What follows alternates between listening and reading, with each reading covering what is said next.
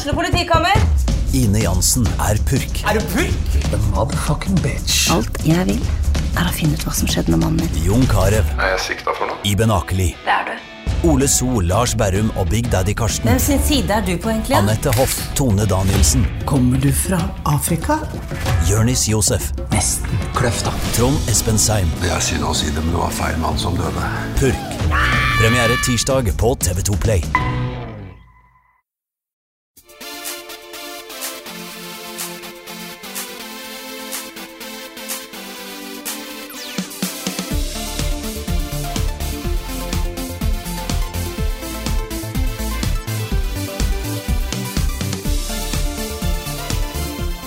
Hallo alle sammen, og velkommen til denne rett før jul-podkast-episoden av podkasten Level Backup. Litt krøll der, men jeg, jeg er i hvert fall Frida Danmo, og med meg som vanlig har jeg Karl Martin Hogsnes og Rune Fjell Olsen.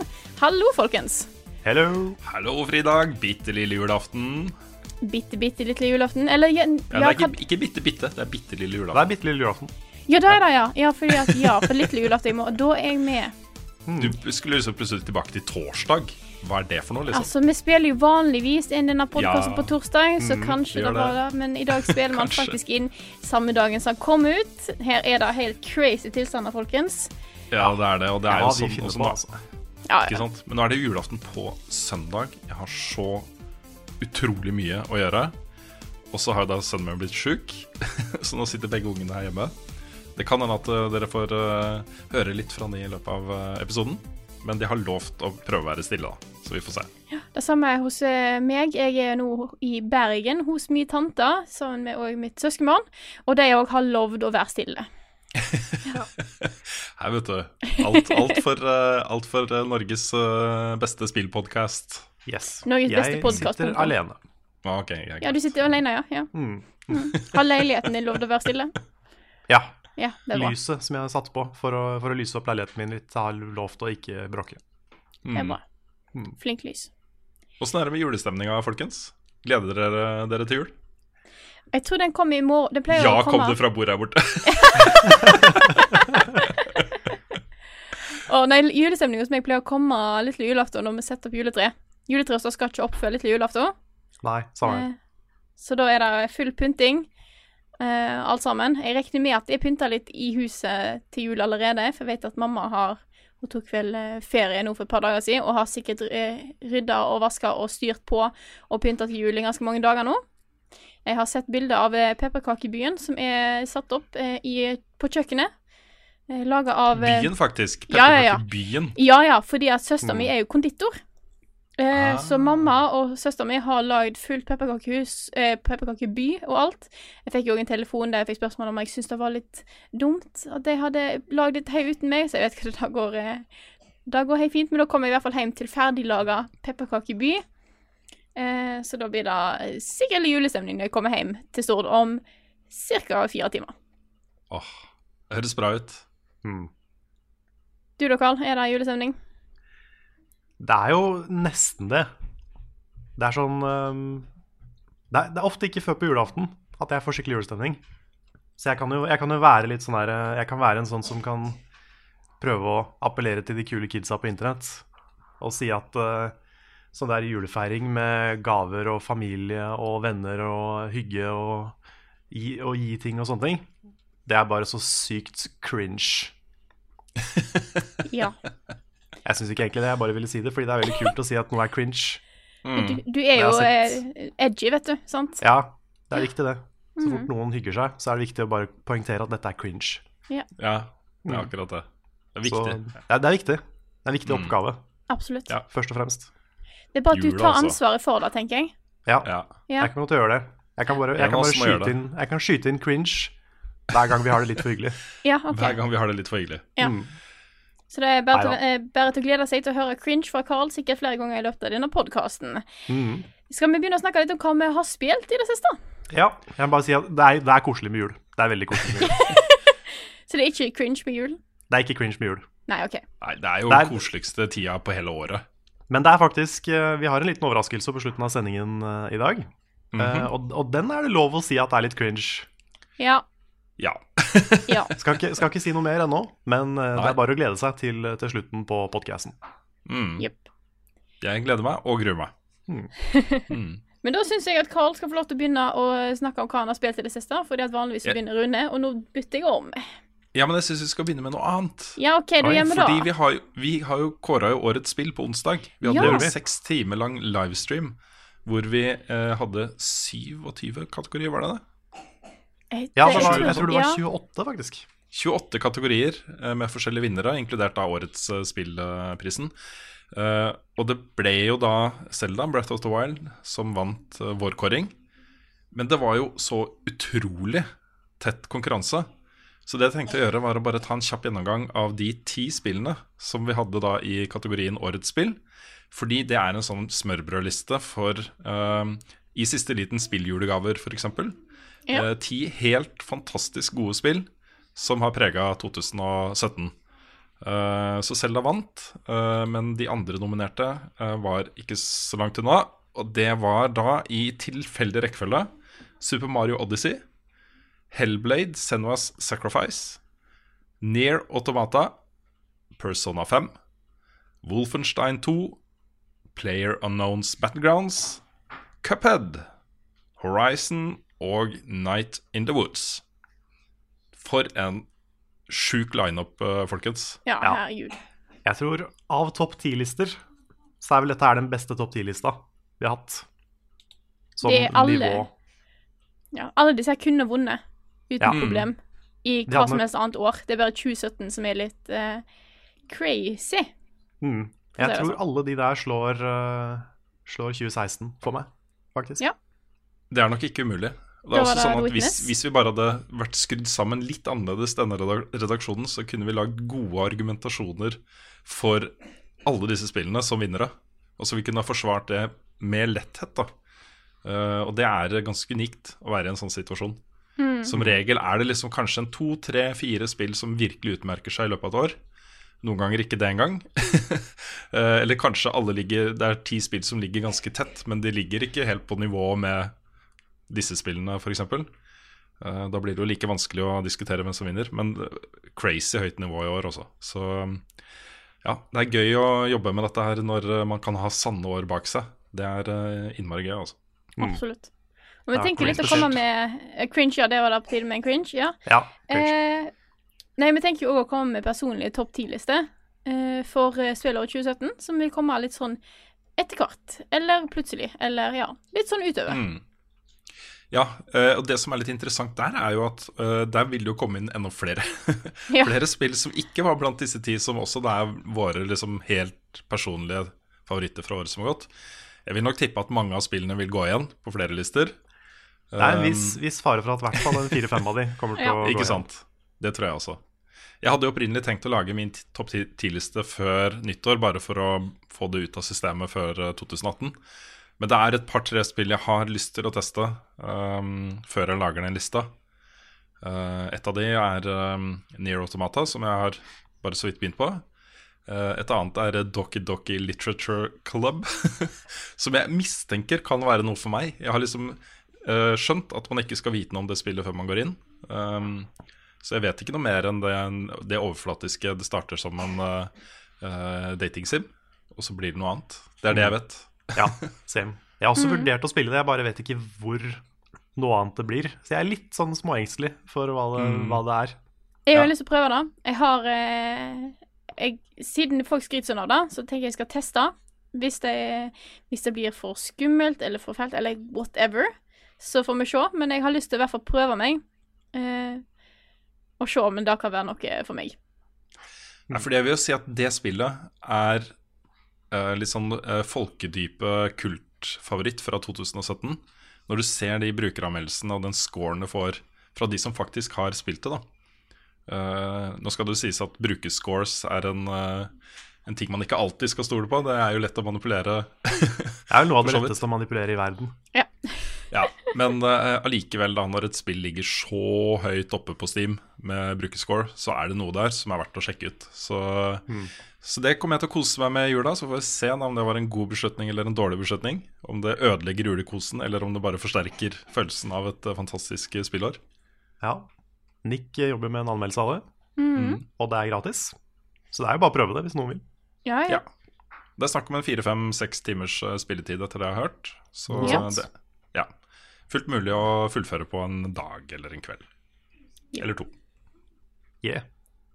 Jeg har noen spill jeg må få kommet meg gjennom. Eh, I tillegg til at jeg sitter og jobber med eh, Life is Strange Before the Storm og Xenoblade, så har jeg òg lyst til å i hvert fall komme meg gjennom eh, Near Automata. I hvert fall. Egentlig bør jeg komme meg gjennom Horizon Zero Dawn. Jeg har lyst til å se en Let's Play av Sunwa, siden jeg ikke får spilt det sjøl. Og egentlig få med meg historien i Wolfenstein i tillegg. Så det har litt, jeg har litt igjen før jeg, eh, før jeg føler at jeg kan lage ei topp ti-liste for 2017.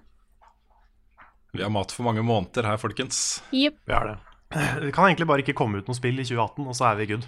Hvis Ja, vi venter med utgivelser fram til sånn mars, så tror jeg vi er good. Mm. Ja, kanskje. Ja. Det er så synd, vet du, fordi, eller synd, det er jo bra. Men januar og store deler av februar har jo pleid å være sånn tørkesone for spill. Det er ikke så mange år siden det var det. At uh, det kom noen slengere, liksom, som bare valgte å droppe julerushet og ikke konkurrere mot alle de store spillene som kommer ut før jul. Så sier ja, vi gir det ut i januar isteden, da. Folk, ikke sant, da er vi alene på markedet. Men sånn er det ikke lenger, vet du. Folk legger jo bevisst inn eh, liksom, januar-februar som et lanseringstidspunkt i god tid uh, i forveien. Bare prøver å kuppe det. Og når flere og flere gjør det, så blir jo det også busy season. Eller ikke like ille da som eh, oktober-november, men eh, det har liksom de siste årene kommet en god del bra greier i januar-februar, altså. Night in the Woods kom vel i januar-februar Mm. i år. Mm. Det tror jeg. Har jeg da lov til å introdusere at vi skal snakke om hva vi har spilt i det siste, Rune? Ok, Da Og jeg skal skal. Carl få lov til å begynne med å snakke om hva han har spilt i det siste. nice. Yeah. Jeg har, eh, jeg har to ting å snakke om. Det ene spilte vi litt på streamen på onsdag. Et lite spill som ingen av oss hadde spilt før, som het eh, Puyo Puyo pluss Tetris. Og eh, det var jo det siste vi gjorde før du, før du stakk hjem i går, Frida. Ja. Fordi vi ble litt nysgjerrig. Først og fremst jeg ble veldig nysgjerrig på hva i all verden den story-moden ja. gikk ut på. Og det var jo What? en, det var jo en Story story-mode. mode? Det var Ja. en story-mode i det spillet. Og veldig mange figurer. Ja. Og alle sammen var den litt hyperirriterende figuren fra andre spill. Så det var Så det liksom et, et helt cast av sånne. Uh, og det var et sånt spill Det er ikke så veldig ofte jeg tenker det jeg sier nå, men det var sånn Oi, dette er for barn. ja, veldig sånn. Så um, historiene ga meg ikke sånn veldig mye, må jeg innrømme. Men det er jo gøy å spille Tetris og Puyo. Ja. Jeg er jo en av de få, tror jeg, som ikke er god i Tetris, men som er ganske god i Puyo. Jeg føler alle er gode i Tetris, og jeg suger i Tetris. Så jeg kommer meg nå faktisk ikke videre i story-moden fordi Tetris er så vanskelig. Wow. Wow. Nei, Fordi men det er sånn sånne challenge-ting. Det merker jeg, da. Jeg, for at jeg, jeg har fortsatt på den story-moden, fordi at jeg Ja. måtte jo ha noe å gjøre på toget i går. Eh, jeg endte opp med å bare skippe story-delen, fordi at jeg liksom kom meg forbi all dialogen, for det er jo bare surr. Det er jo ingenting. Det er sånn Å, hun her er litt stressa. Da tar vi en battle så hun kan roe seg ned. Ja, det, det er veldig rart. Ja, fordi det veldig alt sånn. løses med sånne battles. Ja, ja, ja. Hvor de bare Å, shit, vi har ikke møtt hverandre før, og så nå må vi slåss. Men så bare OK, Tetris. Ja. Men jeg merker da at jeg sliter eh, eh, Nå begynner jeg å komme litt inn i Tetris-gamet mitt igjen. Men det er, det er Tetris-banene som er verst. Puyo-delen kan jeg klarer jeg ganske greit, selv om jeg ikke har spilt så mye Puyo. Mens Tetris, da må, være, da må det være on point. Da, må jeg være, da kan jeg ikke gjøre noe feil. Nei. Mens Puyo er bare sånn Ja, OK, den, fargen, den fargen der, hvis jeg setter den, da blir sikkert smart, og så greier Ja. Så Ja, det, det, det, Tetris-delen er er tricky. Mm. Jeg har kommet til siste challenge i kapittel tre, tror jeg. Og det er liksom det verste jeg har vært med på. For du skal spille Tetris mot han der kapteinen. Mhm. Han eh, med de der eh, Ja, han med de klærne. Han som jeg spilte på, på streamen. Han som har en sånn frisbee. Ja, stemmer. Ja. Mot han. Og du spiller som en sånn liten snusmummiken-figur. Og det er så vanskelig. Det er sånn Jeg har ikke sjans. Til og med når jeg har hatt en dritbra runde, fått liksom tre Tetriser på rad, så bare har ikke han noe på sin skjerm. Det er bare tomt, liksom. Så jeg, okay. jeg har bare ikke sjans. Jeg tror jeg må spille fem ganger så fort for å i det hele tatt ha sjans. Lykke til. Takk. Jeg tror rett og slett at uh, neste gang du er i Oslo, så skal du få lov å gjøre den for meg, Frida. Du er litt, du er litt bedre i Tetris enn meg, fant vi ut. Ja, det, Nick bor jo litt nærmere da, Carl. Ja, kanskje jeg skal ringe Nick. Ja da. Mm. Jeg kan få Nick til å besøke meg i jula og bare ta den banen. Japp. Men ehm, en annen ting som jeg har spilt, det er jo et eh, litt nyere spill som heter Finding Paradise. Jeg hadde håpa jeg skulle få en anmeldelse ut der før jul. Det vet jeg ikke om jeg rekker likevel. Jeg endte opp med å bruke hele i går og eh, sikkert mye i dag på å klippe streamen vi hadde på onsdag. Så da gikk det litt mye tid på det. Prøve å legge inn litt sånn innklipp på spill vi prater om og sånne ting. Så da kommer nok den etter jul. Men eh, jeg kan litt sånn kjapt si at jeg syns det er Jeg syns det er like bra som To the Moon var. Dette er en direkte oppfølger til To the Moon. Det er litt mindre sånn storslagent i historien. Det er ikke fullt så episke eh, handlingsting. Du sa det, du. Ja, jeg bare la ekstra vekt på det, til og med. Mm. Så det er cringe. Er det en veldig lang historie som går over flere generasjoner med folk? Det er, det er en veldig lang generasjon med én person. Så vi, vi, vi, kan late som det er innafor. Ja da. Ja. Men um, Nei, men det, den er litt mer sånn stor, uh, den historien i the Moon. Uh, ønsket til av pasienten, for dette handler om to uh, litt sånne science-folk som har en maskin der de kan gå inn i minnene til eh, døende pasienter og forandre minnet deres for å få dem til å tro at de har levd et mer lykkelig og kulere liv enn det de egentlig har. Så hvis noen har et ønske om å ha levd et mer spennende liv, så kan de komme og liksom fikse det. Det er liksom konseptet. Og eh, det var, det var et litt mer sånn stort ønske i det første spillet, hvor hovedpersonen ønska seg en tur til månen. Eh, som var litt komplisert. For det skal helst være en naturlig måte å komme seg til målet på. Mens eh, i det spillet her så er det, så er det ønsket mye mindre. Mye mer personlig. Litt mer sånn menneskelig. Eh, mye mer nede på, på bakken, bokstavelig talt. Og uh, jeg vet ikke, jeg syns historien var litt mer voksen. Det virker som han eh, som har skrevet det, har blitt noen år eldre siden To. Og uh, litt mer sånn, eh, sånn til ettertanke. To the Moon kan jo ha vært et sånt Nå aner jeg ingenting om han, eller eh, om eh, prosessen. Men eh, det er nærliggende å tro at To kanskje har vært et prosjekt som har bansa rundt i hodet hans i mange år. Kanskje fra han har vært ganske ung. eh, Før da han endelig har liksom realisert den ideen. Og Hvis man er i en sånn situasjon og har hatt en sånn idé som man har brukt mange år på, man får det ut, og det er kanskje ikke så representativt for den uh, posisjonen du er i når det kommer ut, da neste prosjekt kan bli en veldig sånn modningsprosess. Mm. Hvor man har kommet litt, eh, litt lengre i livet og har litt an- annet syn på ting og blitt litt flinkere, kanskje. Ja, kanskje. Skal jo sies at han lagde spill før To the Moon òg. Det var ett spill eh, som var litt mer sånn tradisjonelt eh, medieval fantasy-spill, tror jeg.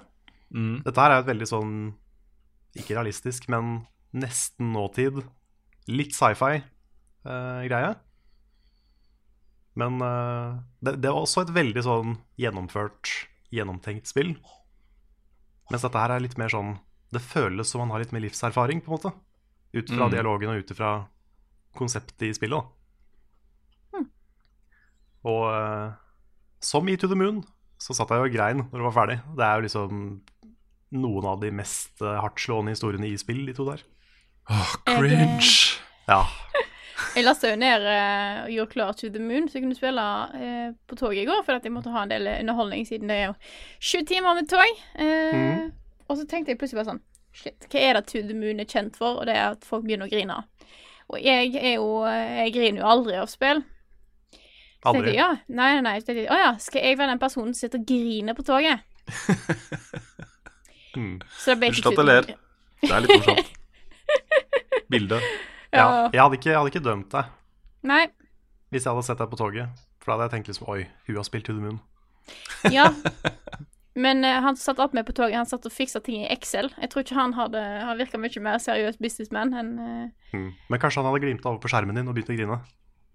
Å, shit, ja. Så plutselig så hadde dere sittet der og grinet sammen.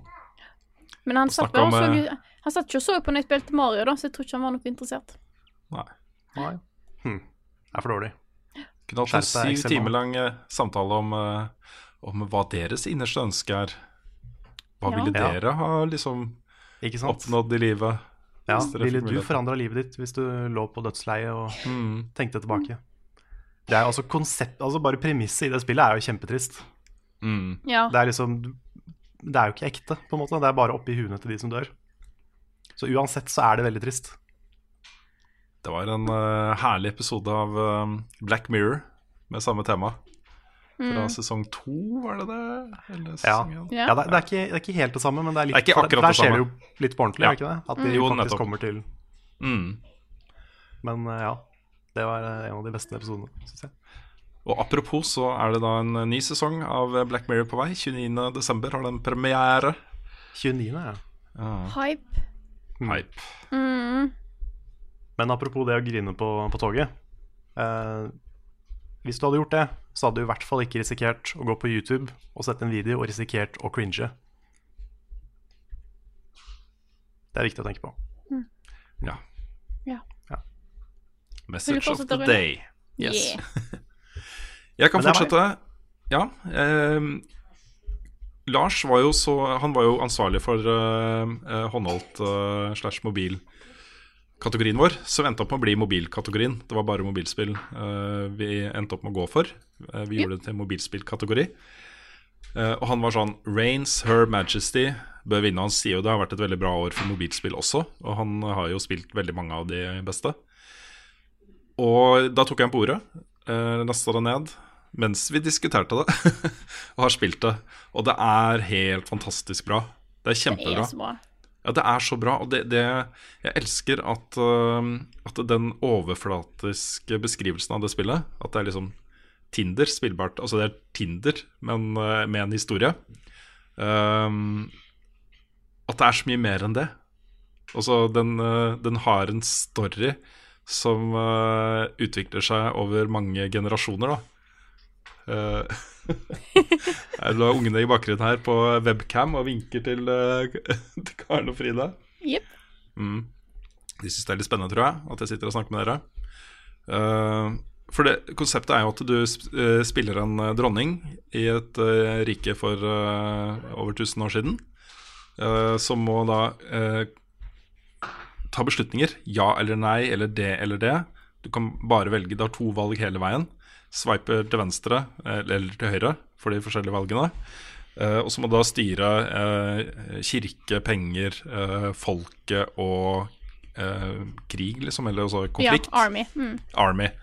eh, hele tiden. Og hvis en av de kommer eh, i bånn eller på toppen, så eh, risikerer du, og mest sannsynlig så eh, dør du. Blir du tatt av dage på et eller annet vis. Eh, og så tar du da med deg erfaringene fra det inn i neste eh, dronning. Og så han fortsetter og fortsetter, og så er det masse elementer som kommer inn igjen, på en måte som du har tatt andre valg på før, som du plutselig får muligheten til å velge igjen, og så velger du annerledes, og så får du da en serie nye kort som du eh, får i historien og sånne ting. Det er veldig kult lagt opp også, og litt Det sånn creepy. Akkurat som Tinder. Akkurat som Tinder. jo da, eh, jeg har aldri vært på Tinder, så jeg vet ikke. Men ja. Anbefaler det sterkt også. Det er kjempebra. Absolutt. Jeg har jo, hvis jeg kan hijacke den litt, så har jeg spilt det mye òg. Jeg eh, satt og spilte en del timer på toget i går. Mm. Eh, nå inn i en ganske kul eh, For at du har en del sånne ting du kan gjøre, som leder at du får kanskje en item, og så gjør du noe med den, og så dør det et par dronninger, og så kan du fortsette på den, da. Så jeg er inne på slutten av en sånn storyline nå. Så nå skal jeg gjøre på en måte siste del, tror jeg. jeg altså, mm. I don't know. Jeg, skal gjøre, jeg vet i hvert fall hva jeg skal gjøre. Eh, og så får jeg se hva som skjer, for du har jo litt ting som på en måte Som skjer. Eh, at du på en måte bygger det opp til at det da Jeg skal ikke si noe om det, men jeg har en kul storyline gående, som jeg får se hvordan det ender opp.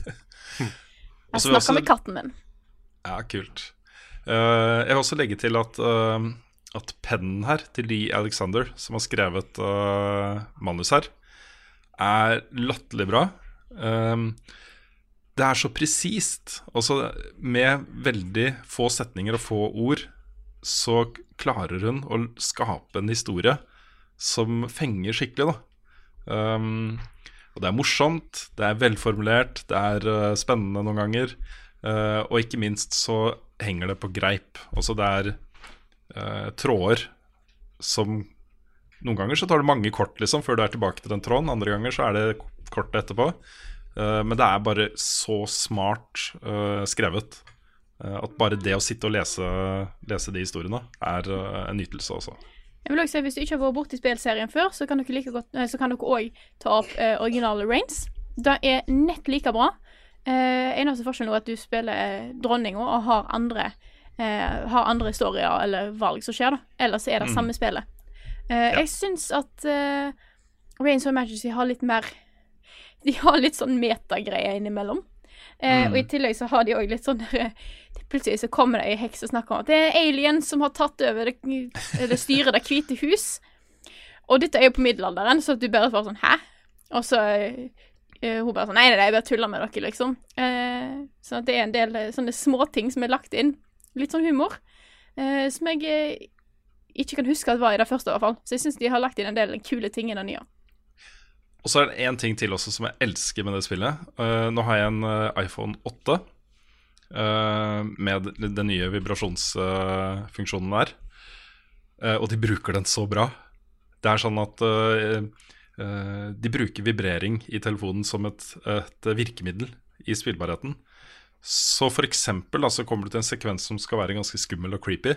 Og da begynner den å vibrere som sånn hjerteslag, da. Hele telefonen. Oh. Så du holder den i hånda, så bare kjenner du den dunk-dunk, dunk-dunk, dunk-dunk, dunk-dunk. Utrolig uh, enkelt, men ekstremt effektivt. Jeg har ikke på vibrasjon på telefonen min, så jeg tror ikke jeg har fått det med meg. Nei, test det. Ja, for de, de bruker det eh, sparsommelig. Det er ikke hele tiden. Det er bare når de skal understreke noen poenger, liksom. Det er tøft, altså. Skikkelig stille. Kult. Har du noe mer å snakke om? Jeg fortsetter jo å spille Minecraft, eh, så jeg skal ikke si så mye om det. Annet enn at eh, i romjula så kommer det en eh, slags pilotepisode for serien. Det som jeg slår meg litt, for jeg har drevet og klippet litt utover i, den serien, og jeg har jo muligheten til å kjøre sånn 30-40 episoder med det vi har av video til nå. Eh, det er litt forstyrrende med det at ikke bildet er så bra, at det blir så pikselert når det er mye bevegelse. Ja, da må du bare sette opp bitraten, tror jeg. På opptaket. Ja. Ja, fordi jeg får ikke gjort noe med det etter at det er sånn. ikke sant? Så Nei. alt jeg har av video, er jo sånn. Så vi får se. nå, Jeg vet ikke, Hvis det blir veldig veldig forstyrrende, så får vi bare lage en ny serie. Men um, ja. Det blir en serie, i hvert fall. Yeah. Da tar jeg over. Jeg har endelig, eh, etter å ha hatt en lang pause fra Mario pga. andre spill, kommet meg til rulleteksten. Hey. Nice. Jeg har faktisk eh, sett slutten av Mario Odyssey. Da eh, Liker du den like godt som oss? Ja, det var, en, det var en fin slutt. Jeg likte den. Det er jo Jeg ligger det, jeg er jo litt bak her, eh, men eh, det var kjekt å faktisk få gjort det. Jeg følte det var på en måte nødvendig eh, å komme seg der til. Eh, jeg tenker jo å ikke nødvendigvis ta alle moons, men å se litt på hva som er der, og prøve meg Prøve å spille litt til, i hvert fall. Mm. Det er et kult endgame der, altså. Ja, det er det jeg har hørt om, så jeg tenker at jeg er nødt til å Mm. Jeg er jo nødt til å utforske det litt. Eh, Man er. du Så kommer jo til, vi eh, kommer jo til et sted, uh, uten å si hvilket sted, men et ganske kult sted etter at du er ferdig med siste boss. ja, jeg, jeg er der nå.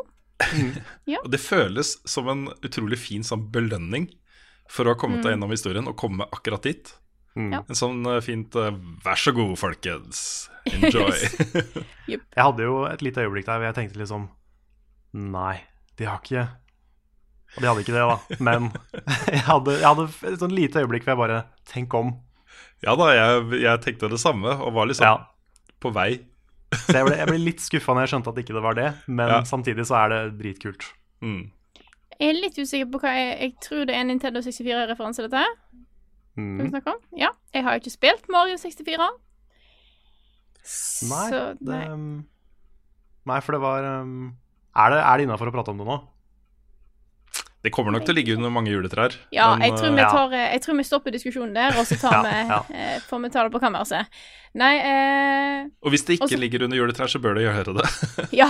Det bare kan virkelig anbefales også som en opplevelse Tips. for alle.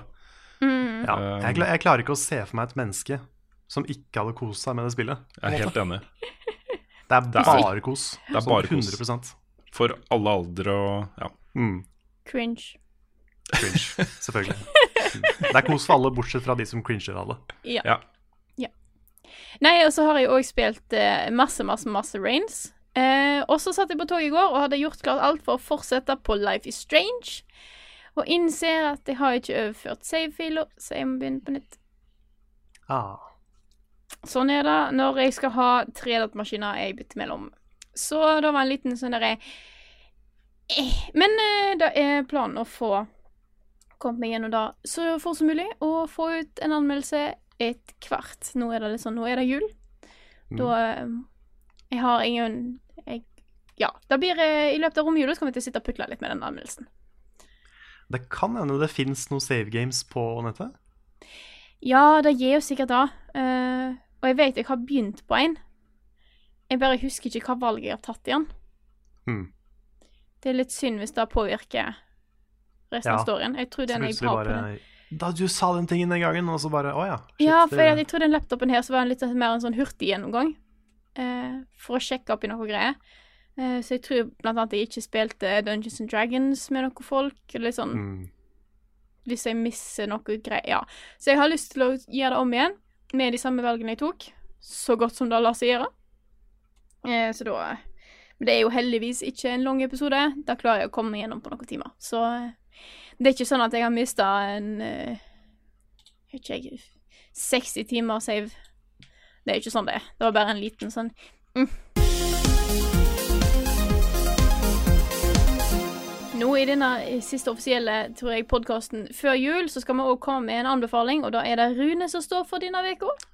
Det er det, og um, litt sånn tilbake, litt sånn callback til uh, snakket rundt Rains, uh, men også uh, som et lite tips til alle som kommer til å trenge en halvtime her og der i løpet av jula for å komme seg unna plagsomme familiemedlemmer eller altfor mye kos eller hva som helst. mm. Så har det kommet tre spill som vi har anmeldt til bortimot toppkarakter opp gjennom åra, eh, altså nyere tid, da, på IOS. Og det er Inside, det er Life is Strange, altså originalen, og Fez, plattformspillet. Alle tre kom nå i løpet av en ukes tid eh, ut på IOS. Eh, og det er tre Og Android. Det er mulig. Jeg, har, jeg, har bare, jeg bare så det på min telefon. Uh, men det kan jo tenkes. Du kan google det, Frida, mens jeg snakker. Jeg sjekker opp, vet du. Bra. Eh, det er jo tre kjempebra spill. Jeg er ikke 100 sikker på hvor bra de er på mobil, men jeg vet at alle de tre kan gjøres bra på mobil, for de har ikke overdrevent avanserte kontrollsystemer, eh, noen av de. Um, og det er tre fantastiske opplevelser som, som det går an å da liksom snike seg unna med. Eh, så alt trenger ikke å handle om eh, helt nye eh, toppspill fra spillåret 2017. Det er mye bra på mobiltelefon også. Og dette er jo tre moderne indie-klassikere som Ja, som er ute nå. Jeg innser at det er, jeg får det ikke opp hos meg på min telefon, men så innser jeg at min telefon ikke alltid får opp spill som er helt nye, for at han er ikke god nok. Nettopp. Eh, så jeg, eh, jeg jobber med, med saken, men jeg kan ikke garant... Ja, I, I don't know. Nei, kanskje ute på Android, Android også. Um, Ja. ja. Inside er jo da eh, oppfølgeren til Eller oppfølgeren. eh, nye spillet til Playdead, som lagde Limbo. Eh, og det er også ute i en sånn samlepakke. Limbo og eh, Inside, i hvert fall på Xbox One, muligens på PS4 også. Uh, mens Fess er jo et uh, sånn pixel-plattformspill uh, som leker med perspektiver og sånne ting. Og Life is Strange er jo Life is Strange. Et uh, adventure-spill hvor du tar valg hele tiden. Mm. Litt sånn i Telltale-stil, med litt time travel på toppen. mhm, Og da kommer til Android snart, står det. Nettopp. Ja, for jeg, jeg, jeg syns det er litt gøy å kunne gå inn på liksom New Games på IOS og se sanne spill der. Det, det, det sier noe om, eh, om uh, hvor moden uh, mobilspillplattformen har blitt. da At uh, tre fantastiske toppspill kommer ut der. Ja, det er veldig bra. Rune skal få lov til å snakke litt til i den spalten her, for nå er det tid for ukens nyheter. Rune, sett i gang med hva du har funnet denne uka her. Ja, nå blir det definitivt ikke julekos eh, i starten av eh, denne nyhetsspalten. Så ikke Eh, cringe. I- Ikke cringe. Dette er en sak som vi har eh, nå, bare for noen sekunder siden, og også tidligere eh, diskutert mye om vi skal snakke om eller ikke. Eh, men nå blir det en rettssak som starter i tingretten den 5. januar. Eh, og dette handler da om eh, Dennis Vareide fra Prebz og Dennis, som har saksøkt en annen norsk YouTuber for eh, ærekrenkelser. Han krever 130 000 kroner pluss saksomkostninger i, i den saken, i den saksøkingen. Og dette kommer, til å bli en, dette kommer til å bli en svær sak, og den handler jo om Hva skal man si? En praksis på YouTube som, eh, som har som vi prøver så godt vi kan å holde oss så langt som mulig unna selv. og har, eh, har jo klart det, eh, til nå i hvert fall. Så det er litt vanskelig å diskutere det uten å på en måte bli en del av den dritten. Fordi det er, dette, dette handler jo om da påstander, eh, mer eller mindre dokumenterte, som bare slenges ut eh, med det mål eh, å ta en annen YouTuber. Fra smore, store til små, Uh, fra veldig alvorlige ting til mindre alvorlige ting. Um, men spørsmålet er er det innenfor norsk lov å gjøre det eller ikke. Og Det får vi nå en eh, muligheten til å overvære i tingretten. Uh, det er jo litt funny her at uh, Dennis Vareide stiller opp med uh, advokaten Jon Wessel Aas i advokatfirmaet Bing Hodneland, mens saksøkte representerer seg selv. det kan bli ganske Ja. interessant å følge dette her, altså. Det, det kan det. Ja. Dette, er jo, dette er snakk om veldig alvorlige påstander. Dette er snakk om veldig alvorlige påstander. Og hadde, hadde jeg fått sånne påstander mot meg, så hadde jeg også vært i samme modus som Dennis Vareide. Ja, jeg sliter ikke med å forstå Dennis i den saken her. Nei. Det er eh, Jeg vet ikke hvordan jeg hadde takla og fått noe sånt mot meg. Mm. Eh, Det er såpass drøyt. Og eh, spredd til såpass mange eh, Nå liker jeg ikke å, å si lett påvirkelige mennesker, men det er lett påvirkelige mennesker. Det er noen mennesker som eh, er veldig ukritiske til det en sint mann på YouTube sier. Mm. Eh, Det er, Ja. det er mange som på en måte tenker på internett kan du si hva du vil, Mm. men vi vil jo sikkert se i den rettssaken her, eh, som òg har skjedd tidligere, at ting du sier har konsekvenser. Mm. Selv om du sier det på internett. Og selv om du nok av og til kan si, si det under et annet kallenavn eller et anonymt kallenavn, så har det fortsatt konsekvenser. Ja, og Ja. dette her er, Det var en sak da i DN, eh, Dagens Næringsliv, i går, eh, eller to dager siden, hvor eh, da den saksøkte eh, Og vi har da i likhet med det han valgt å ikke si verken brukernavnet eller navnet til denne personen. Um, hvor han sier at eh, påstandene i, eh, i den videoen som det gjelder, eh, er ment som en satirisk kritikk av Vareide som offentlig pers- person. Jeg har sett den, vid den videoen, eh, og hvis det var satire der, så sliter jeg litt med å se den, altså. Jeg, tror, eh, jeg tror nok han skal få et ganske stort problem når han skal prøve å eh, bevise at det er satire, og ikke bare noe annet. Mobbing. Mobbing, eller ja, drittslenging. Det er um, Dette er alvorlig, liksom. Du kan ikke bare gå rundt og si hva som helst om folk, og folk tror jo på det. Det er mange som tror på de påstandene. Uh, og det er jo voldsomt skadelig uh, for personer når det er så alvorlige ting man blir beskyldt for, eh, som i denne videoen. Så at det skal være satire, klarer jeg ikke helt å se. Nei. Så eneste, eneste muligheten han har egentlig i retten, føler jeg, da, det, det er jo å uh, kunne bevise de påstandene. Og det spørs vel om man klarer det. Ja. Jeg syns jo det er en grunn til at vi ikke setter folk i gapestokk og kaster tomater på dem lenger. Dette her er eh, Internett blir noen ganger en sånn der eh, utrolig stygg, vond gapestokkultur. Mm. Hvor man skal gapehuk, henge ut Jeg mente gapehuk, selvfølgelig. uh, hvor du bare, du bare henger ut mennesker med ting som uh, ikke er bevist, og som kanskje er bare tull. Uh, men folk tror på det, og folk rotter seg sammen. eh, går i går til felles angrep på et menneske. Og det er, det er Det er veldig viktig å tro på et offer hvis et offer kommer fram og sier noe uh, alvorlig. Det er viktig å ta det på alvor.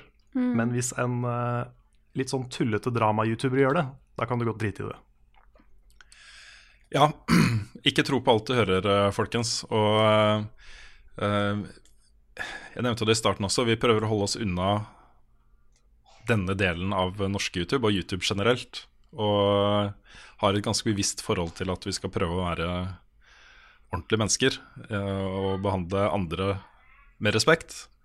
Um, og ikke bli en del av en sånn negativ, nedadgående spiral, da, hvor man konkurrerer med hverandre i å være mest mulig jævlig mot hverandre. Sånt samfunn liker jeg ikke. Jeg har ikke lyst på et sånt samfunn. Jeg har ikke lyst på en sånn uh, verden på YouTube. Jeg har ikke lyst til å være en del av en sånn verden. Og uh, uh, håper jo at uh, en sak som dette her kan være med på å bremse en sånn utvikling. Om ikke annet å få en del folk til å, som kanskje har slengt seg på, sånn jeg også, sånn tog, eh, til å tenke seg om noen ganger før de uh, blir med på den dansen. For det er ikke Dette er ikke en sunn måte å leve på, folkens. Dette er ikke en, en positiv og hyggelig måte å leve på. Eh, prøve å finne feil hos andre og henge de ut for det, sånn at du skal sjøl bygge deg sjøl opp. Ikke sant? Livet blir bedre hvis man klarer å heve seg over det også.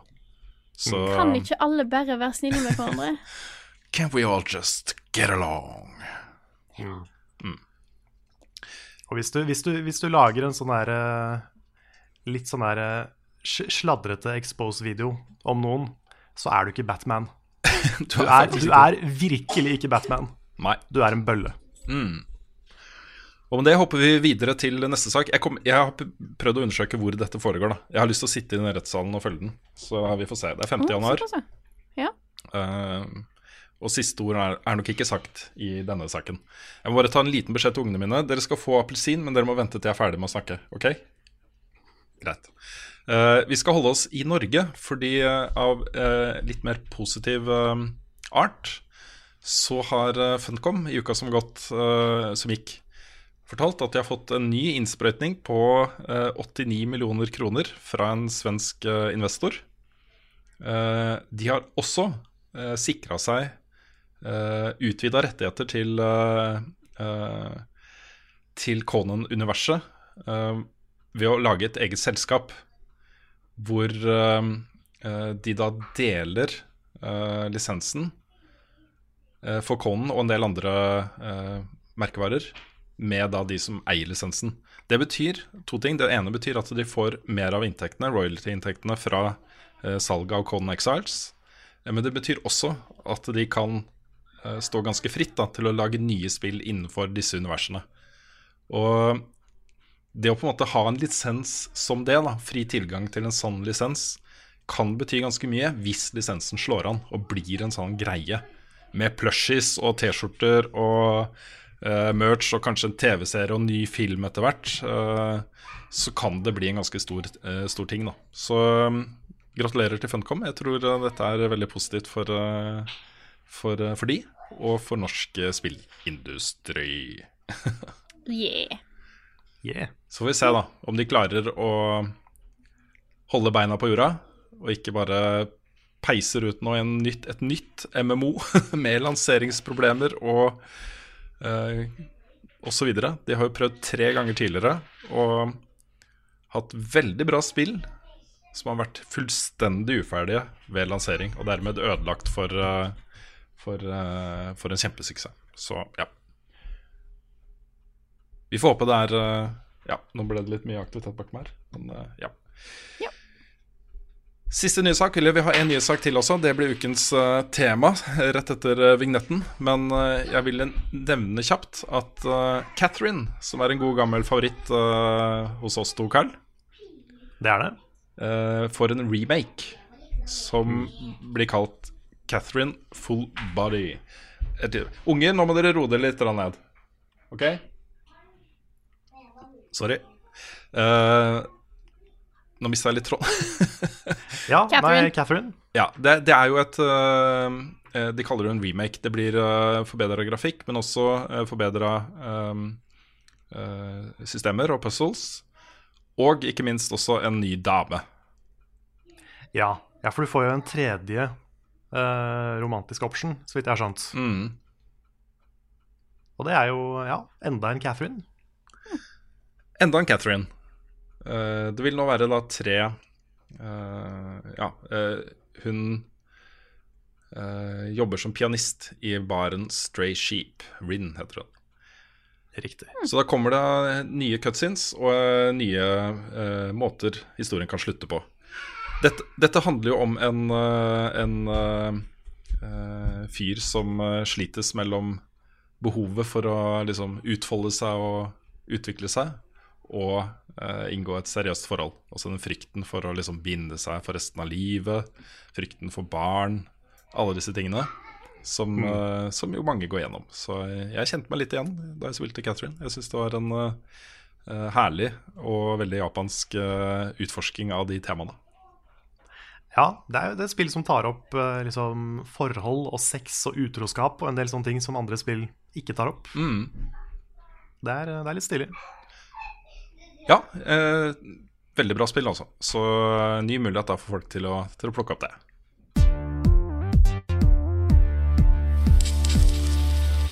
Vi nærmer oss slutten på podkasten, og da skal vi selvfølgelig ha ukens spørsmål.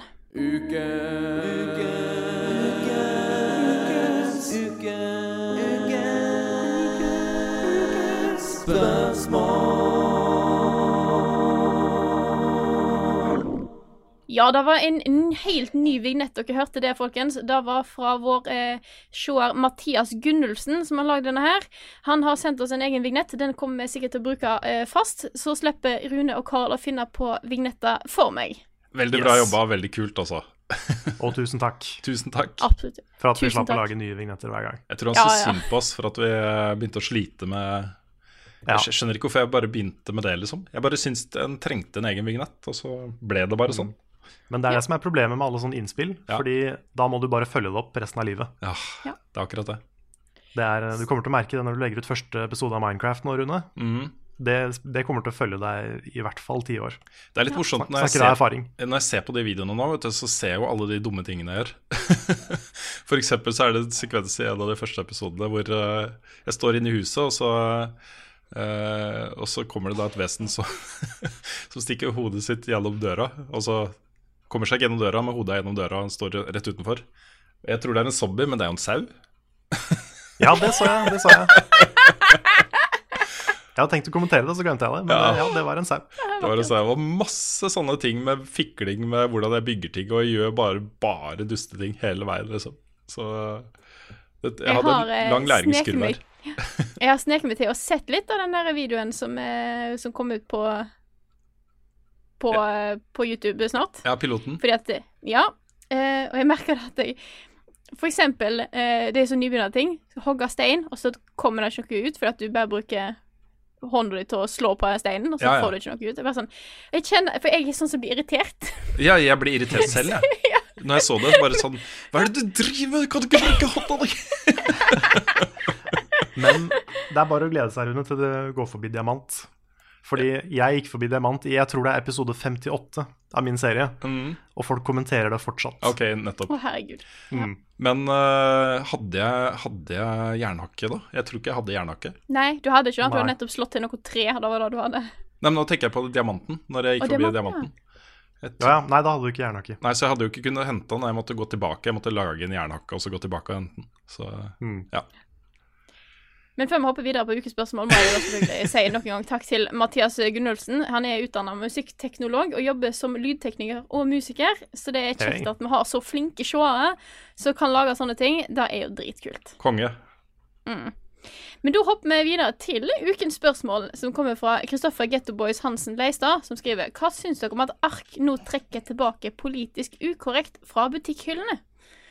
Politisk ukorrekt er jo den norske versjonen av Cars Against Humanity. Ja, jeg føler det er Vi kan begynne med det, fordi det er litt øh, Det er å dra, dra det litt langt. Uh, det er en uh, norsk kopi Ja. av Cards, Cars Against Ja, det er ikke en utgave. Sorry. Det var var ikke Det var uh, det, da var my mistake. Ja, og det er en jeg følger på Twitter som heter Oda Rygg, som hadde en liten analyse av, av eh, forskjellen da, mellom eh, politisk ukorrekt og eh, Cards Against Humanity. Nå husker jeg ikke hva Car- Cards Against Humanity heter på norsk, for det er også gitt ut på norsk. Ja, det husker ikke jeg heller i farta. Nei.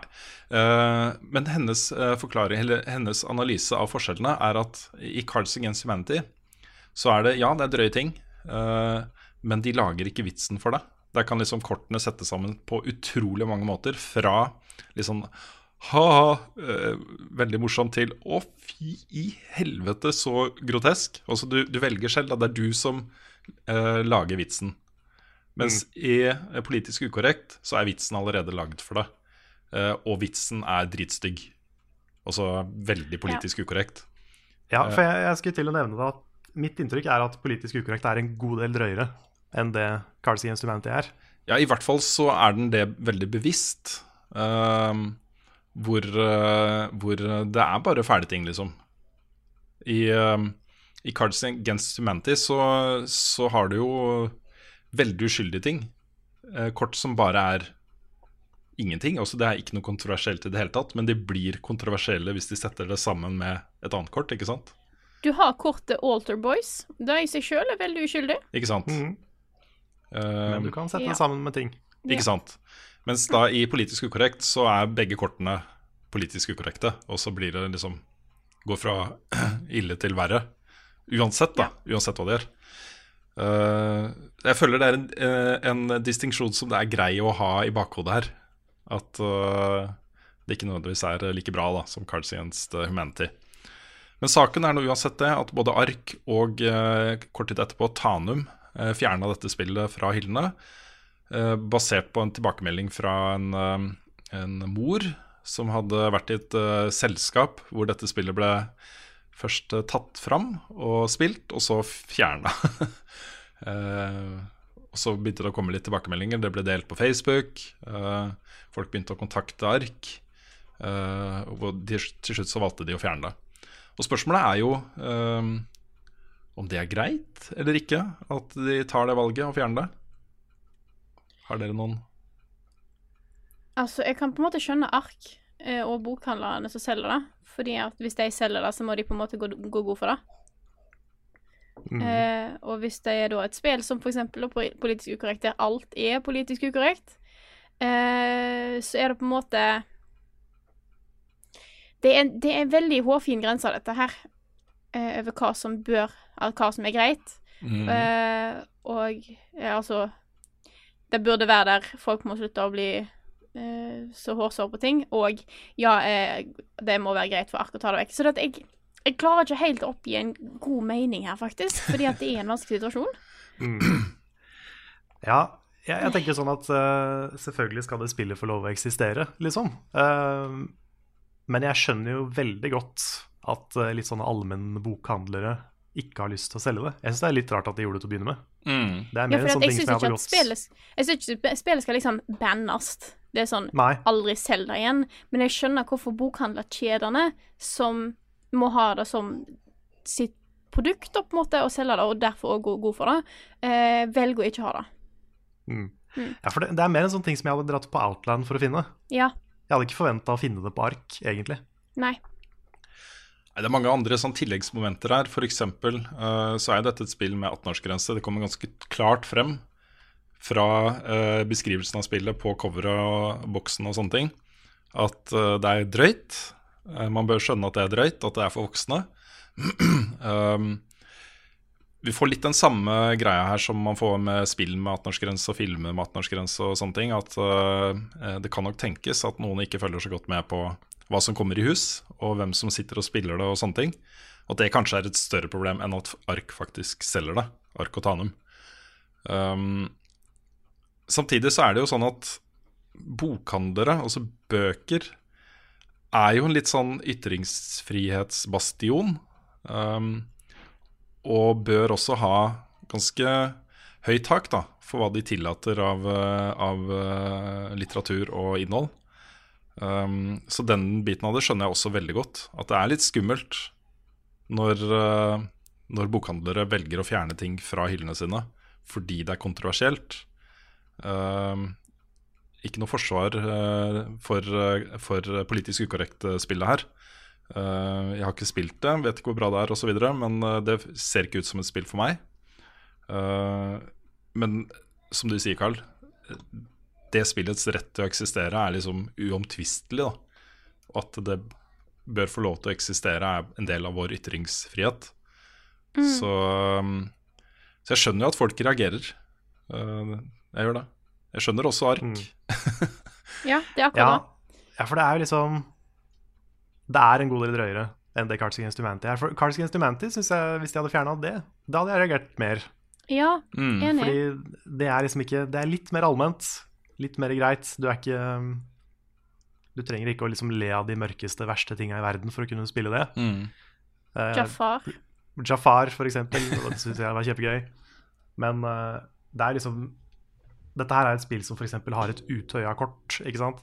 Ja, Og hvis du da plutselig skal stå der og forsvare det som en butikk, Mm. det er ikke lett. Nei, det er ikke det. Og det er også fullt mulig å få tak i det spillet fra mange andre steder i Norge. Så, så det er ikke sånn at det fjernes fra norsk offentlighet i det, hele, altså i det store og hele. Det, er, det eksisterer jo der ute, og det er mulig å få tak i det og, eh, og sånne ting. Mm. Og ja.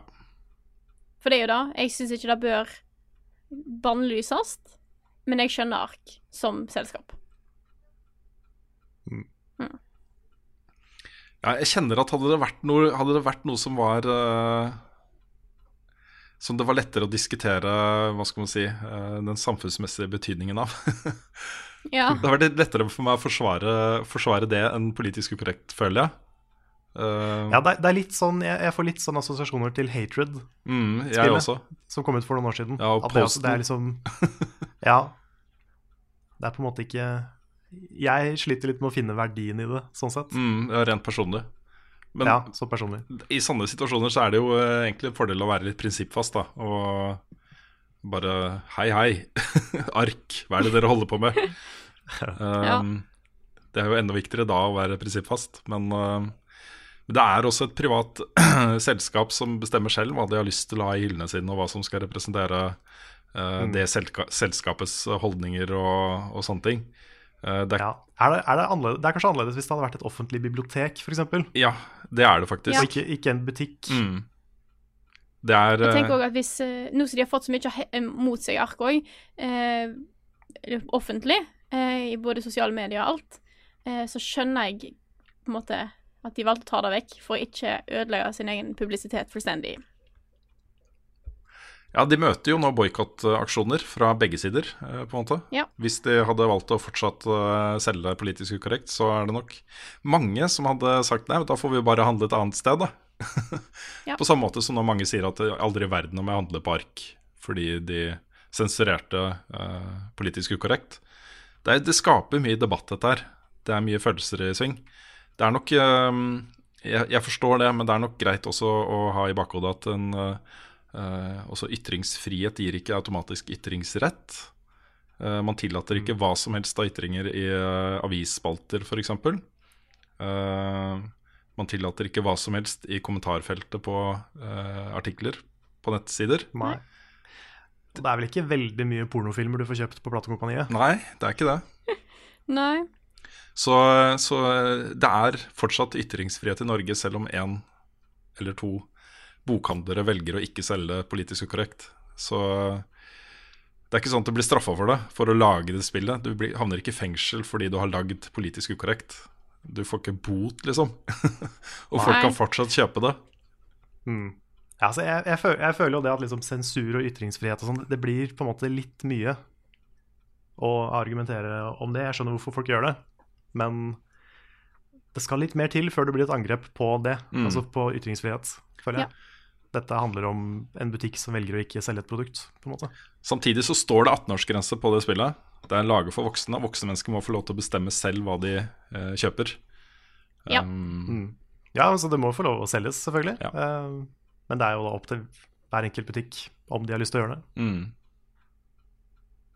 Jeg vet ikke. Jeg lener, jeg lener jo personlig mot at, at det å fjerne ting fordi eh, det er kontroversielt, er en litt sånn slippery slope.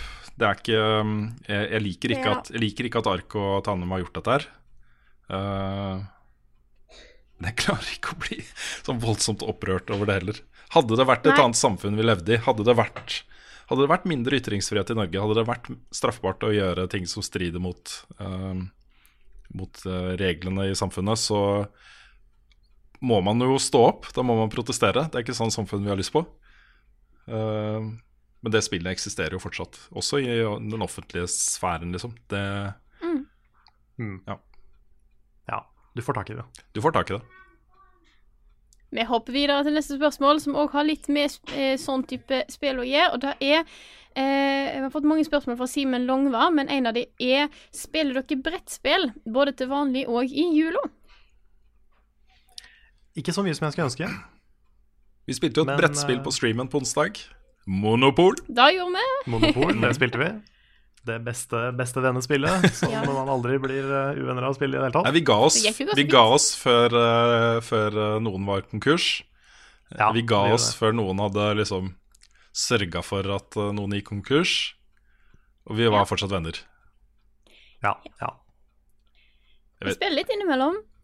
Spiller eh, Jeg har et brettspill som jeg liker godt, som heter Betrayal at House on the Hill. Som er veldig bra. Eh, og så òg i jula, men òg i ferien, når jeg er på besøk hos min svigerfamilie, så pleier vi eh, de unge der å spille eh, Battlestar Galactica-brettspill. Hmm. Som tar mange timer, og som er veldig gøy. Så eh, det hender. Men jeg skulle egentlig skulle gjort det mer. ja. Vi har begynt å spille litt, eh, jeg og noen venner har begynt å spille Mansions of Madness. Mhm. Eh, Det er ganske kult, basert på litt sånn her Lovercraft-law og sånne ting. Eh, Det har en app som har en sånn fortellerstemme og en del greier som foregår samtidig som du sitter og spiller brettspillet. Og det er ganske kult. Det er et sånn coop-spill hvor du, eh, alle sammen er på lag for å løse en sak, på en måte. Og eh, må da gå forskjellige steder rundt omkring i store mansions, finne ting og jobbe sammen. Alle har stats og så og så mye combat, så og så mye sanity. Uh, masse, masse regler som tar litt tid å sette seg inn i, men det er, det er ikke sånn uoverkommelig, liksom. Men det var gøy. Er du en brettspillperson, Rune? Jeg syns jo det er veldig koselig å spille brettspill, men jeg har jo egentlig aldri satt meg ned med et avansert brettspill av type Manchester Madness eller uh, Risk eller uh, noen av de store, liksom. Så det har gått i Ludo og Monopol og Jakten på den forsvunne diamant og den type spill, da. Uh, og det, det syns jeg er kjempegøy. Det er lite som er mer koselig enn det når man skal samle en familie eller en vennegjeng. Og sette seg ned foran det samme brettet med brikker og sånne ting. Det er uh, ordentlig hyggelig. Absolutt. Så det blir nok en del av det i jula også, tror jeg. Vi pleier å spille en del kort i min familie. Mm. Så da eh, blir det nok i år òg, regner jeg med. Jeg må lære ungene mine pugger. De blir jo 21 en gang, de også. Kan bli med til Vegas. Ja. Ikke sant? Har også en lang historie med å spille Scrabble med bestefar. Jeg prøver seg alltid på noen sånne litt, eh, litt smådrøye ord, men det er ikke alltid det går gjennom. Nei. Nei, det må finnes i ordboka, ellers så er du ikke gyldig. Nei, ok. Nei. Nei, det er en grei regel. Mm. Så du, du, hadde ikke, du hadde ikke godkjent spa? Jeg lurer på om det fins i ordboka, hvis du slår opp norsk. Gjør det? Jeg lurer på det. De har en del slangord og, og sånt. Ok. Ja, da blir jeg litt imponert, hvis det er i ordboka.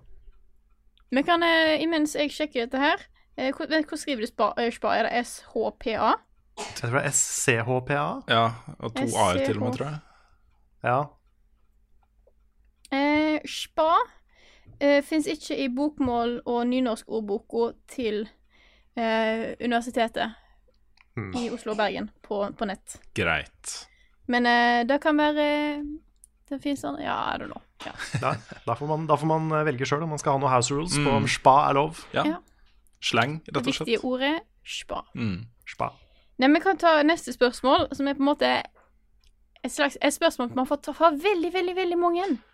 Som lurer på om vi har noe spill vi pleier å spille i jula. Og det tror jeg vi svarte litt på sist gang, så vi kan ta hva spill har vi tenkt til å spille i jula. Mm.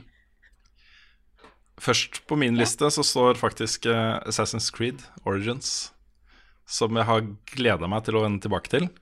Jeg kom ikke så langt, spilte noen timer. Um, det representerer litt sånn julekosespill for meg. Et spill med veldig mange oppdrag og mye eh, valgfrie sideoppdrag, og du kan kose deg og pusle rundt og gjøre ting og, og sånt. Det, er, uh, det blir kos. Uh, og så har jeg da også, som sagt tidligere i episoden, uh, uh, lyst til og tenkt til å komme meg gjennom Doki Doki Literature Club. Og helst også Near Automata. Det er liksom de, de tre spillene håper jeg får brukt litt tid på. Og så kommer jeg til å bruke ganske mye tid på Minecraft med ungene. Um, det også ser jeg for meg kan bli ordentlig sånn julekos. Så ja. Du kan laste ned en sånn her Minecraft juletexture pack. Det kunne jeg kanskje gjort. Så kan dere lage sånn juleby. Det er ikke så dumt. Nei, Det er koselig. Mm. det er kos. Ja, jeg Du tror jeg, eh, jeg Det blir nok mest å bli ferdig med Horizon, tror jeg. Mm. Det begynner å bli på tide. Det er julekosespillet. Ja, Snø. Ja. ja det er Frozen Wilds. Det kan jeg spille nå Mm. i jula. Så får vi se om jeg rekker å spille litt eh, Stardew Valley eller noe, noe i den duren. Jeg har jo nå 999 måneder i Mario, så nå, jeg savner jo å spille Jeg savner jo månedene i Mario. Men det er litt tidlig å begynne på nytt, liksom. Mm. Ja, jeg tenker, jeg tenker å Det blir jo Life is Strange, Xenoblade. Kanskje fortsette på litt Mario. Eh, ellers er det òg forbegynt på Near. er min plan. Og så får vi se om vi får putta inn litt Doki Doki innimellom der. Så vi tar ikke frihjul, da, for å si det sånn, Nei, fra spillinga. nei absolutt ikke. Nei, nei, det er sånn man tar, man tar litt pause fra jobben for å spille alt det vi ikke spilte på jobben. Mm. Mm. Men det kommer jo fra hjertet, da. Dette er jo det jeg har lyst til å bruke jula på. Nå skal jeg stå en del slalåm og gjøre litt sånne ting også, og ha litt familiejul, men uh, Ja. ja. Det blir nok Gaming er viktig i jula, altså. Det er det. Kjeder vi deg, Frida? Kjeder vi deg? Nei, jeg er bare litt trøtt. Fordi at det ble eh, Det ble seint etter streamen på onsdag. Mm. Og så måtte, jeg vi tidlig opp fordi vi egentlig skulle spille inn podkasten i går. Så da ble det litt søvn i går. Og så eh, kom eh, Så måtte vi stå opp veldig tidlig her òg i dag, fordi at eh, eh, Tante mi skulle hente søskenmannen mitt på toget klokka sju i dag tidlig. Så jeg har sovet litt lite, så jeg er litt trøtt. Jeg bare, Men, jeg bare tok det opp eh, fordi jeg føler at en gjesp må kommenteres. En gjesp må Ja. ja. Det skal sies, da, bare sånn for å forsvare Frida litt, at jeg gjespa først. Å ja, det var smittsomt. Og nå kommer Ja. jeg til å gjespe. Jeg bare, nå kjenner jeg det sniker seg opp en her. Mm. Ikke se på meg sånn, Frida. Vi kan ta og eh, fortsette her eh, med et spørsmål fra Arne Kristian Nerleir Bakklund, som spør hva gjør dere når slash om dere mister spillmotivasjonen? Hatt en periode der jeg ikke har hatt lyst til å spille noe som helst. Jeg trenger tips for å få tilbake gleden av spill. Det er jo noe mange av oss opplever. Plutselig å ikke ha lyst til å spille. Jeg hadde en spilltørke i vår. Eh, før Selda kom ut, så spilte jeg ingenting. Mm. En lang periode. Mm. Det ja. Ja. Jeg kan anbefale å spille noe utafor komfortsonen.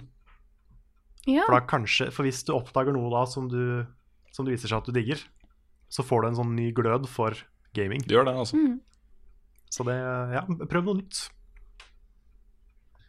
Prøv eh, ikke nødvendigvis eh, å sette deg ned med et langt spill. Sånn, ja, ok, jeg har hørt at Witcher 3 er bra, la oss sette oss ned med det, eller noe sånt. Uh, Finn noe kort. Mm. Kanskje, ikke noe, kanskje ikke noe verre enn Rains, for eksempel. Mm. Sitte og spille da litt. Det er lett å bare ta fram. Ja, eller Inside, Limbo, Mm. Journey, Mm. Brothers, Stardew, Stardew Valley. Stardew Valley. Stardew Valley. Ja, det, også er sånn, det er et godt uh, alternativ, Fordi hvis du først uh, kicker på det, så sitter du plutselig der med 300 timer bak deg og lurer på hvor den tida ble av, liksom. Mm. Ja. ja, det er bare sånn meditasjon. Mm. Ja, for, fellesnevneren for veldig mange av de store, lange spillopplevelsene er jo at de ofte er litt trege i starten. Og Hvis du da sliter litt med motivasjonen til å spille, så er det ikke sikkert f.eks. Selda er et uh, superbra valg. Um, det tok noen timer for meg før det krøp under huden og ble et spill som jeg bare måtte spille. Um, Det samme gjelder Witcher, det samme gjelder uh, Skyrim, GTA. Alle de virkelig bra uh, open world-spillene uh, har jeg brukt mange timer på å komme meg inn i. Uh, Endte opp med å elske dem, men eh, eh, ja. Jeg tror ikke det er så godt Ja. botemiddel for uh, spillvegring. Nei, S- Zelda kicka jeg på med en gang, faktisk. Ikke de andre. Mm. Skyrim og de tok det lang tid. Men, men Zelda var sånn med en gang. Ja. ja da, det er ikke noe, Det er ikke noe fasit på akkurat det. Nei da. Men uh, det er jo i hvert fall et spill som kan være sånn. Mm. Kan også uh, kanskje se en bra Let's Play-serie av noe. Kunne vært noe. Ja. Hvor du, Det hvis det er et spill du har hatt lyst til å spille, ikke helt, uh, ikke helt øh, har fått deg til å gjøre det. Kanskje starte, starte på Let's Play, og så gå over til spillet. Jeg vet ikke. Ja, se til du begynner å irritere deg over alt den personen gjør Mm. feil. For da, da har du motivasjon til å spille sjøl. Ja. Absolutt. Vi kan ta, siden vi nå begynner å nærme oss slutten av 2017, eh, og har hatt eh, årets spillkåring alt sammen, jeg har fått et spørsmål her fra Mathias Kolsrud Aase, som spør hva er deres beste spillminne for 2017? Tja. Ha. Jeg tror for min del så er det den der runden vi hadde i PubG Ja. på Kilden. Jeg skulle til å si det. Ja, fordi jeg har aldri fått to kills i PubG, og ingen av de var fortjent i det hele tatt på den streamen. Nei, han ene bare det å ha liksom Vent litt. Unger, nå må dere roe dere ned. Dere lovte. Sam.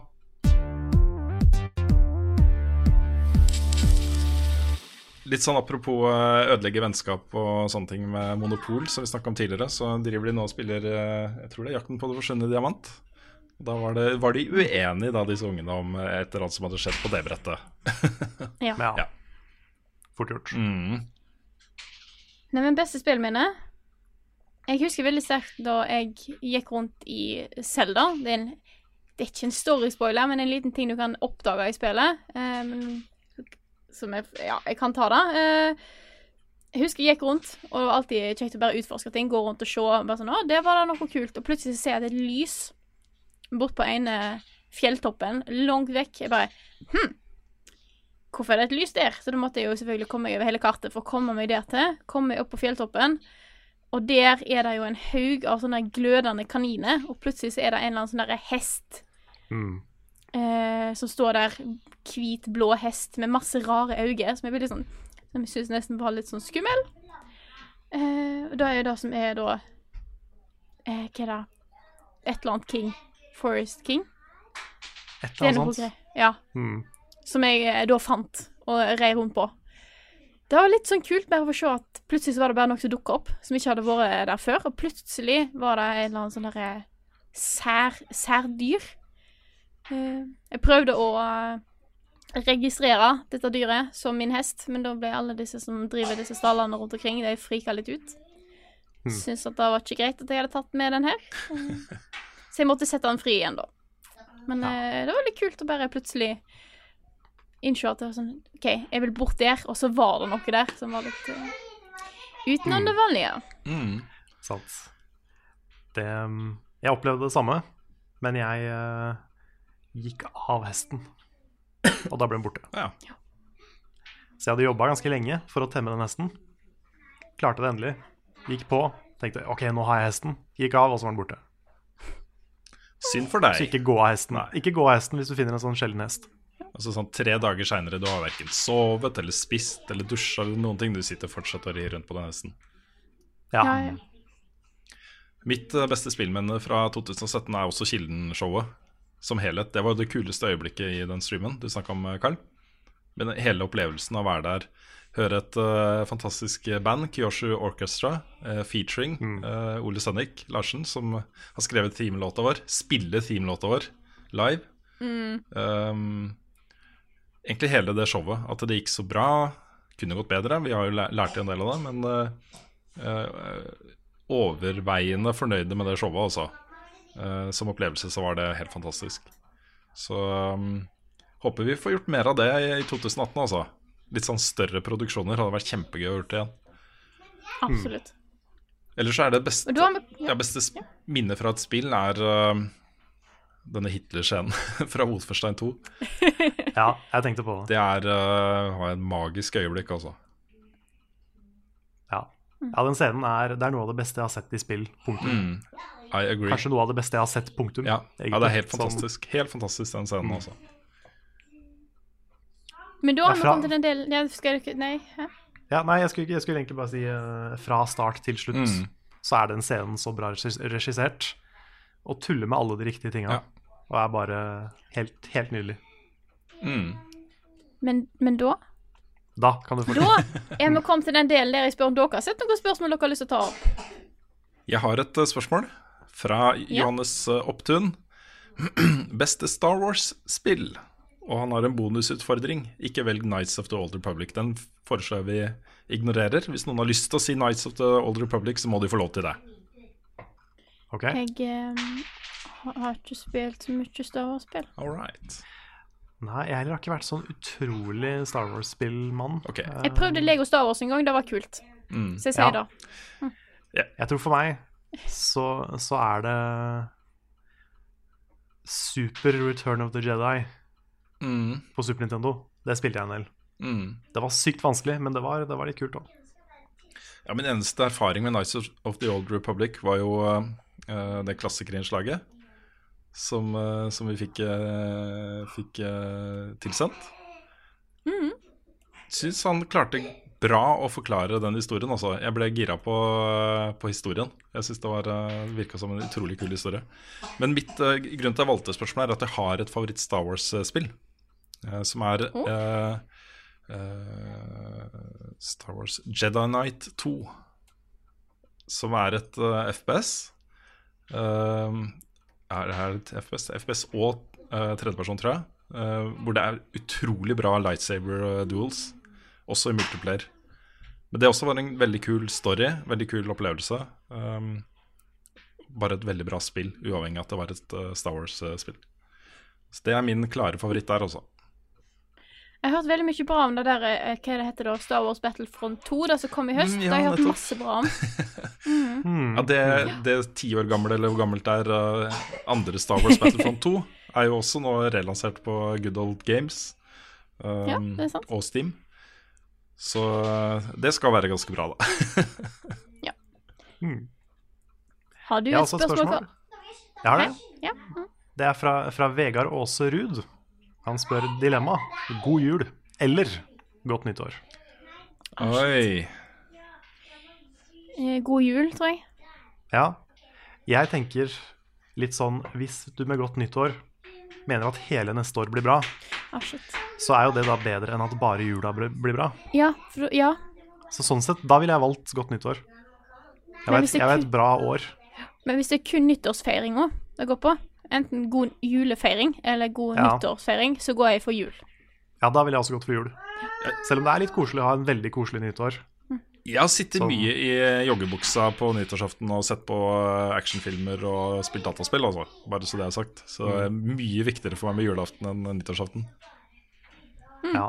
Men se for deg, da. Hvis du, eh, si hvis du liksom har vært singel i eh, tre år, da, eksempel. Og så er du på date med noen på nyttårsaften. Da blir jo klokka tolv blir jo stas. Ja, ja. Det det. Det kan bli ganske magisk. Det kan bli magisk. Ja.